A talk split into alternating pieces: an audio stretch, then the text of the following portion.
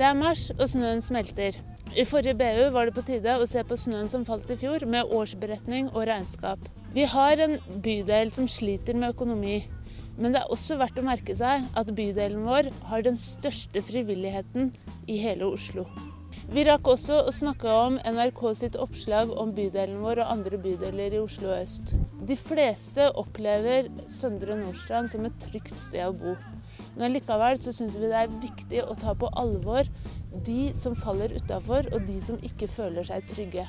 Dette blir en veldig viktig eh, sak framover, og det blir viktig å ta med seg det her inn i eh, diskusjonene om Oslo sør. Oslo sør er en satsing over ti år som utløper i år. Nå må vi sette alle krefter inn på å få kommune og stat til å fortsette den satsinga.